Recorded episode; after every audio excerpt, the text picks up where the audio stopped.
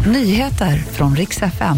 Miljontals inloggningsuppgifter läckta från bland annat Facebook. Experterna varnar. Och 100 000 på kontot om du lyckas hålla dig ifrån mobilen.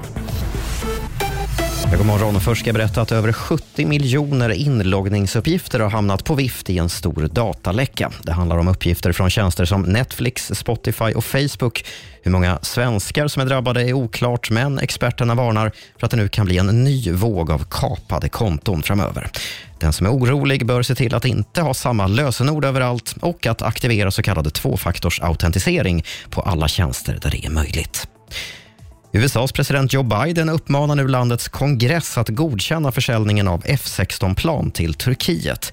Enligt källor till New York Times har Biden skickat ett brev till högt uppsatta kongressledamöter där han skriver att försäljningen behöver godkännas så snart som möjligt. Turkiet har ju krävt den här typen av stridsflygplan för att släppa in Sverige i Nato och nu har ju den saken röstats igenom i det turkiska parlamentet. Sist ska det handla om ett amerikanskt företag som har gått ut med en utmaning till den som tror sig klara sig utan mobilen en längre period. 10 000 dollar, alltså runt 100 000 svenska kronor får man om man lyckas hålla sig från mobiltelefonen i en hel månad, så kallad digital detox.